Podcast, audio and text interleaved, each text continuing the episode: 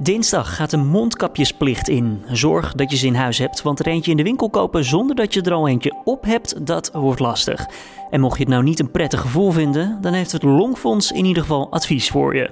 Dit wordt het nieuws. Het Longfonds uh, adviseert ook mensen die inderdaad astma hebben om thuis een beetje te wennen aan zo'n mondkapje te dragen. Om niet al, uh, veel, als je bijvoorbeeld naar de bus gaat, een soort van naar de bus te rennen en dan een mondkapje op te doen. Want dan is je ademhaling vaak al een beetje verstoord en dan is het lastiger om die rustig te krijgen. Factchecker bij nu.nl, Shannon Bakker was dat. Zo bespreek ik met haar de rest van de meest gestelde vragen over de mondkapjes. Eerst kort het nieuws van nu. Mijn naam is Julian Dom en het is vandaag maandag 30 november. Dit is de Dit wordt het nieuws middagpodcast. Er zijn veel meer aanvragen voor de coronabonus van 1000 euro binnengekomen dan verwacht. Daardoor zal de zorgbonus in totaal 800 miljoen euro meer kosten dan de 1,4 miljard die was begroot. De bonus wordt belastingvrij uitgedeeld aan verpleegkundigen, verzorgende, helpende, schoonmakers en ander ondersteunend personeel in alle sectoren van de zorg. Naast de uitkering van 1000 euro krijgt zorgpersoneel volgend jaar ook een extra bonus van 500 euro. De explosie bij de burgemeesterswoning in Woensdrecht van afgelopen weekend had de kracht van een handgranaat. Eerder werd er gesproken over een vuurwerkbom, maar de politie wil niet kwijt of het ook om vuurwerk ging. Bij het onderzoek wordt er rekening mee gehouden dat het om een gerichte actie ging. Niemand raakte gewond door de klap. Vaccinontwikkelaar Moderna wil voorwaardelijke toelating krijgen van het Europees Medicijnagentschap. Bij groen licht kan het coronavaccin van de farmaceut snel op de markt verschijnen. Het onderzoek bevindt zich nu in de laatste fase. Er zijn geen grote problemen aan het licht gekomen tijdens die testfase. Uiteindelijk zal de vaccinontwikkelaar 80 miljoen doses leveren aan de Europese Unie, met mogelijkheid tot nog eens 80 miljoen daarbij. Formule 1-coureur Romain Grosjean zal waarschijnlijk dinsdag het ziekenhuis mogen verlaten. Grosjean crashte zondag hard tegen de vangrail tijdens de Grand Prix van Bahrein. Zijn wagen brak in tweeën met een grote vlammenzee tot gevolg. Grosjean kwam er zonder zwaar letsel vanaf en liep enkel enige brandwonden op. Aankomend weekend wordt de coureur vervangen bij de GP van Sakir door de Braziliaanse debutant Pietro Fittipaldi. Groningen is de gezondste stad van Nederland, dat blijkt uit onderzoek. Steden werden vergeleken op door het RIVM gestelde kenmerken. Denk daarbij aan onder meer voldoende buitenruimte, betere luchtkwaliteit, hygiëne en mobiliteit. Groningen heeft opvallend veel buitenruimte en heeft daarmee het gezondste leefklimaat van Nederland. Nijmegen en Maastricht staan op de tweede en derde plek. Dan over naar ons gesprek deze middag. Vanaf morgen zijn ze namelijk verplicht. De mondkapjes in publieke binnenruimte, zoals de overheid het noemt. Denk daarbij aan stationsgebouwen, musea, benzinestations en winkels. Iedereen vanaf 13 jaar en ouder moet zich houden aan de regel. Mocht je nou toch zonder mondkapje zo'n ruimte betreden, dan maak je kans op een boete van 95 euro. Op nu.nl zijn de mondkapjes ook regelmatig punt van discussie bij de reacties onder onze berichten. En in aanloop naar de verplichting leek het ons daarom een goed idee om daar eventjes aandacht aan te besteden. Vandaag in deze podcast met onze factchecker bij nu.nl, Shannon Bakker. Shannon, we behandelen enkele van de meest gestelde vragen dus. Um, maar eerst, ja, op basis van wat we nu met zekerheid weten, hoe verspreidt dat coronavirus zich? Nou ja, wat we in ieder geval weten is dat dat coronavirus zich verspreidt, bijvoorbeeld door direct contact als je met elkaar loopt te zoenen. Dat, dat weten we vrij zeker dat het op die manier kan. Uh, maar natuurlijk ook inderdaad als je op korte afstand van elkaar bent, dan kan het via wat grotere druppels, kan het zich zeker verspreiden. En de meeste experts houden er ook nog op na inderdaad dat dit echt wel de belangrijkste verspreidingsroute van het coronavirus is. En daarnaast zien we dat soms ook door in benauwde ruimtes uh, het virus ook waarschijnlijk op een iets langere afstand en onder andere condities ook op een wat langere afstand zich kan verspreiden. En benauwde ruimtes, dan hebben we het over een slecht geventileerde ruimte. Ja, kleine ruimte met veel mensen dat slecht geventileerd is. En die druppels, daar gaat, dat betekent dus eigenlijk al bij praten. Ja, je ziet soms speeksel bij mensen naar buiten schieten als iemand een zinnetje eruit roept. Maar uh, niezen, hetzelfde, hoesten, allemaal druppels, hè? Ja, eigenlijk uh, verwachten nog steeds de meeste mensen dat het vooral via hoesten en niesdruppels, omdat je daarmee echt uh, het lekker de ruimte insproeit. Uh, met flink wat kracht, dat, dat dat toch echt nog steeds het uh, voornaamste gevaar is. Morgen wordt dan de mondkapjesplicht ingevoerd. Uh, iedereen die geen mondkapje op heeft, kan een boete van 95 euro verwachten als je gepakt wordt, als je pech hebt. Natuurlijk moet je dan wel in een openbare ruimte zijn en je niet houden aan, aan, de, ja, aan die plicht. Shannon, het verschil tussen een regulier mondkapje en een medisch mondkapje, daar krijgen we veel vragen over.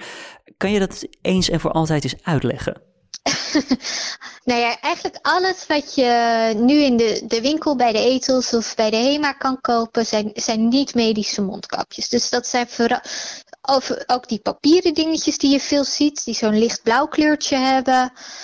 En uh, ook katoenen mondmaskers. allemaal reguliere mondkapjes, dus niet medisch. Dat, ja, dat, dat zijn allemaal niet medische mondkapjes. Daarnaast heb je dan medische mondkapjes. En daar heb je weer allerlei categorieën in. Je hebt een soort van chirurgische mondkapjes. Die lijken heel erg op die, die papieren mondkapjes die je ook bij de drogist kan kopen. Maar het belangrijkste verschil is dat die een keurmerk hebben eh, en dat die gesteriliseerd zijn. Dus er is geen kans dat daar al een bacterie op zit uh, of dat soort uh, zaken. Uh, maar in principe bieden die niet heel veel meer bescherming dan, dan de mondkapjes uit de drogist. Alleen zekerheid dat, er, uh, dat die echt gesteriliseerd is. Uh, en daarnaast heb je nog mondkapjes met filter. Uh, en die kunnen inderdaad wel wel hele kleine deeltjes, waar bijvoorbeeld dus virus inderdaad in zitten, kunnen, kunnen die tegenhouden. Alleen dat is best wel zwaar om te ademen. Dus ook medische professionals dra dragen die niet de hele dag. Dat put gewoon enorm uit. Ja, dat is best wel uitputtend. Je moet gewoon, je krijgt wel gewoon, zuurstofmoleculen kunnen er prima doorheen. Alleen je moet wel je best doen om te ademen. En dat, dat is wat vermoeiender. En daarom uh, zo'n, ja, volgens mij noemen ze dat zo'n N95 masker. Uh, dus met zo'n filter er echt in. die zijn echt voor op de IC als je met iemand werkt die bewezen coronapositief is. Uh, dan worden dat soort, maar ook, ook niet in de standaardpraktijk worden die toegevoegd gebruikt. Dan terug naar de reguliere mondkapjes. Eh, het woord schijnveiligheid is daarbij vaak gevallen, maar doen deze kapjes dan toch nog iets tegen de verspreiding van het virus? Nou ja, wat het idee is, kijk, dat, dat merk je zelf natuurlijk ook als je hoest of niest, is dat je in ieder geval een paar van die druppels die je dan uitstoot, opvangt in je masker.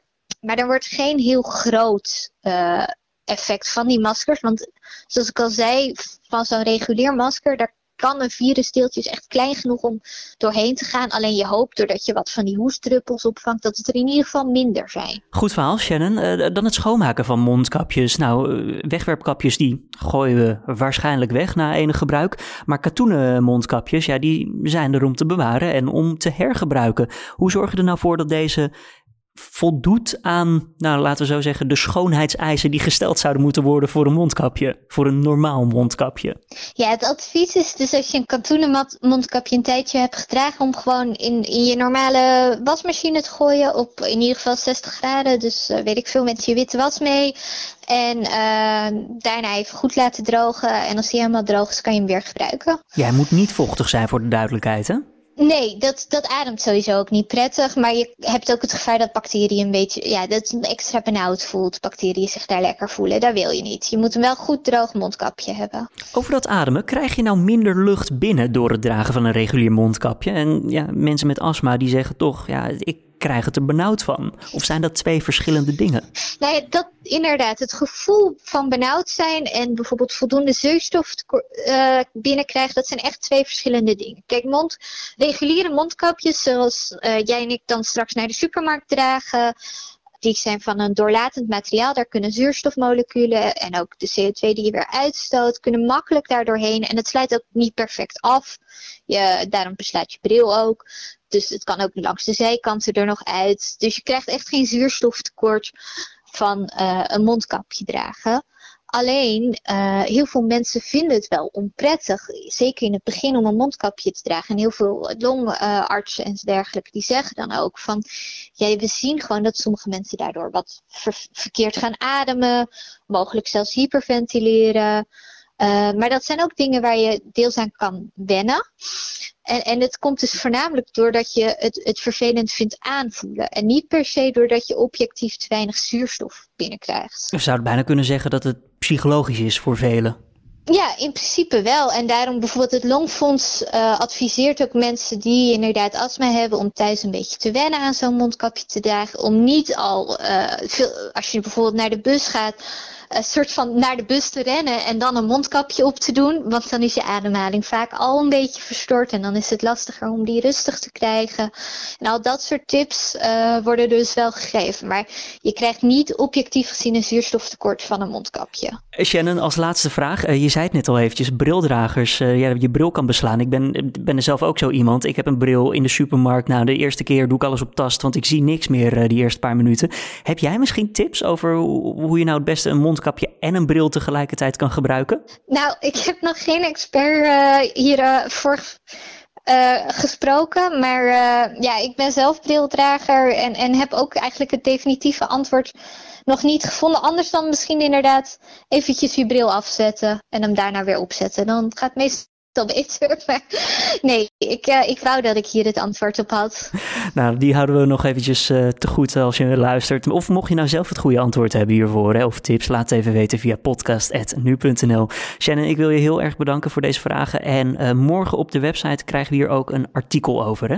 Ja, dan ga ik nog inderdaad wat uitgebreider in over inderdaad, uh, kan je nou een zuurstoftekort krijgen? Nou nee, maar ook over de schijnveiligheid en dergelijke. Daar uh, ben ik nu lekker over aan het tikken. Dankjewel, Shannon Bakker, factchecker hier bij nu.nl. Het weerbericht. Vanavond is de kans op nattigheid het grootst vandaag. Je zou kunnen zeggen daardoor dat het ergste nog moet komen. Vannacht koelt het vervolgens amper wat af. Morgen trekken de enkele buien van het noorden naar het zuiden over het land. En tussen de buien door schijnt de zon ook nog eens.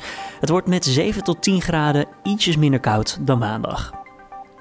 En om af te sluiten, het eenzaamste dier ter wereld is gered en zal de rest van zijn leven met zijn soortgenoten doorbrengen. Waar hebben we het dan over? Nou, een olifant. Hij heeft namelijk 35 jaar geleefd in een Pakistaanse dierentuin. Hij woonde daar niet altijd alleen, want hij woonde eerst samen met zijn partner, maar deze overleed in 2012 en daarna leek de overgebleven olifant zich steeds vaker te vervelen.